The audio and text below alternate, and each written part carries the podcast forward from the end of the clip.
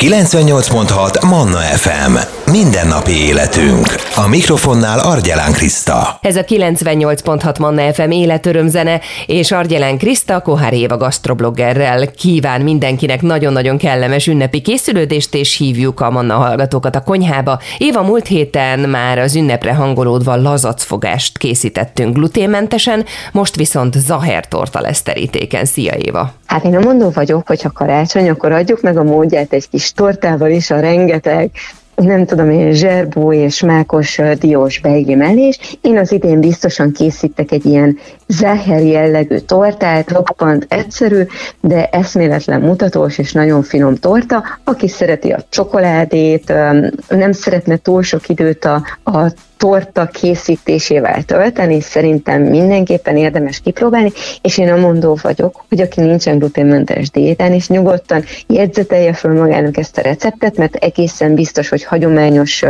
búzalisztel is ugyanezekkel az arányokkal működik, úgyhogy tényleg mindenki, aki szereti ezt a záher jellegű tortát, készítse el nyugodtan. Mi kell a tortánk tésztájához? 60 g margarin vagy vaj.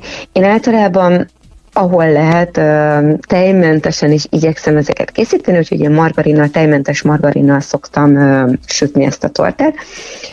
60 g glutén és tejmentes étcsokoládé, 8 darab emmes méretű tojás, 150 g cukor, 65 g glutén és tejmentes holland kakaó, tehát cukrozatlan kakaópor, 80 g gluténmentes univerzális lisztkeverék, de akár rizsliszt és hagyományos liszt is tökéletesen jó hozzá, fél csomag sütőpor, és egy darab kezeletlen narancsnak a héja, vagy ez lehet akár narancsaroma is, vagy ilyen boltban kapható előre lereszelt narancshéj, szerintem az a legpraktikusabb, mert hát bízunk benne, hogy az valóban bio és kezeletlen.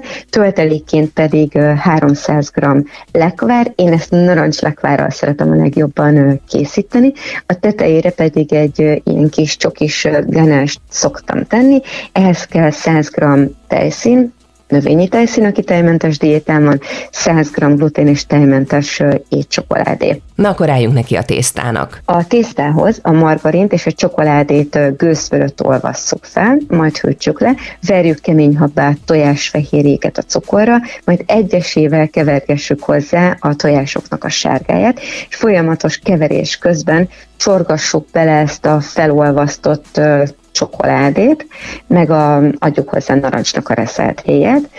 Amikor megvan ez a kis keverékünk, akkor a sütőport, a lisztet, a kakaóport keverjük össze egy tálba, és több adagba szitáljuk hozzá ehhez a kis tojásos habunkhoz, és nagyon óvatosan és spatula segítségével forgassuk bele. Én ezt általában külön lapokban sütöm, hogy ne egy vastag lapot kapjak, amit szét kell vágni utána, hanem sokkal jobban szeretem, hogy ezt a bekevert tésztát elosztom három egyelő részre, és így sütögetem meg külön a lapokat, nagyon gyorsan megsülnek, ott tartottunk, hogy külön-külön sütöd a tortalapokat. Amit én itt nagyon szeretek mostanában, hogy nem hagyományos módon torta formában sütöm meg, hanem szögletesen, és a szögletes formát annyira szépen egyszerűen lehet felszeletelni ilyen szép egyenlő száró háromszögekre, torta szeletekre. Nekem ez valamiért mindig sokkal szebben sikerül, mint a tortaforma, de természetesen aki ragaszkodik a tortaformához, süsse nyugodtan ilyen 24 cm-es kapcsos tortaformában. Én viszont ilyen 20x30 cm méteres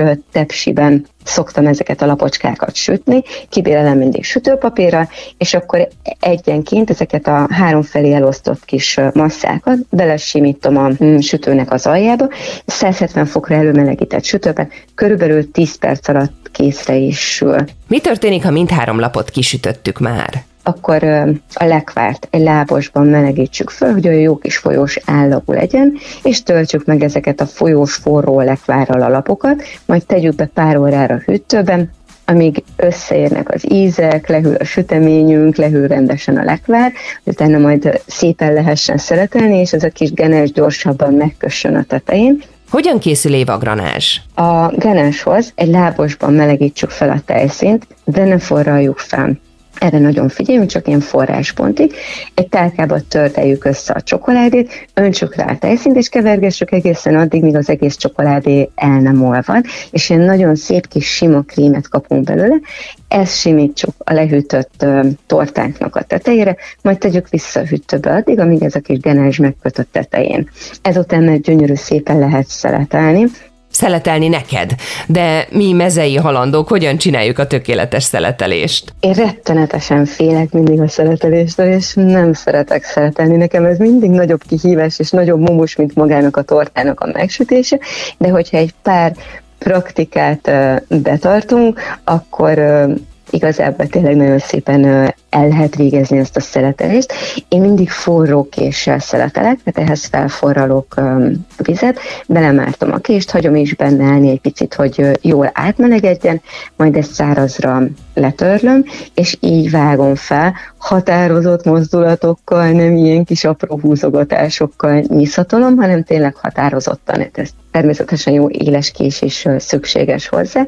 De minden egyes vágás után visszateszem a kést a forró vízbe, megvárom, hogy jól átmelegedjen, és szárazra törlöm. Ugye ebből a szögletes tortából úgy kapunk szép torta szeleteket, hogyha középen hosszában félbevágjuk, majd az így kapott ilyen vékonyabb sávokat vágjuk ilyen szép egyenlő száró háromszögekre, és akkor lesz ez igazán szép, hogyha előtte egy kicsit megkarcoljuk ennek a ganázsnak a, a tetejét, tehát bejelöljük magunknak az utat, hogy hol szeleteljük ezt a tortát. De szerintem, ha nem lesz minden szelet ugyanolyan egyforma, akkor is el fog fogyni a torta. Nagyon szépen köszönöm Kohári Éva gastroblogger, a gluténmentes ízlik Facebook csoport alapítója, a Zaher torta receptjét mondta el nekünk, ami azért jó, mert gluténmentes liszttel és normál liszttel is simán működik, úgyhogy a recept visszahallgatható természetesen a Manna FM podcast felületén, akár itunes akár Spotify-on lehet keresni.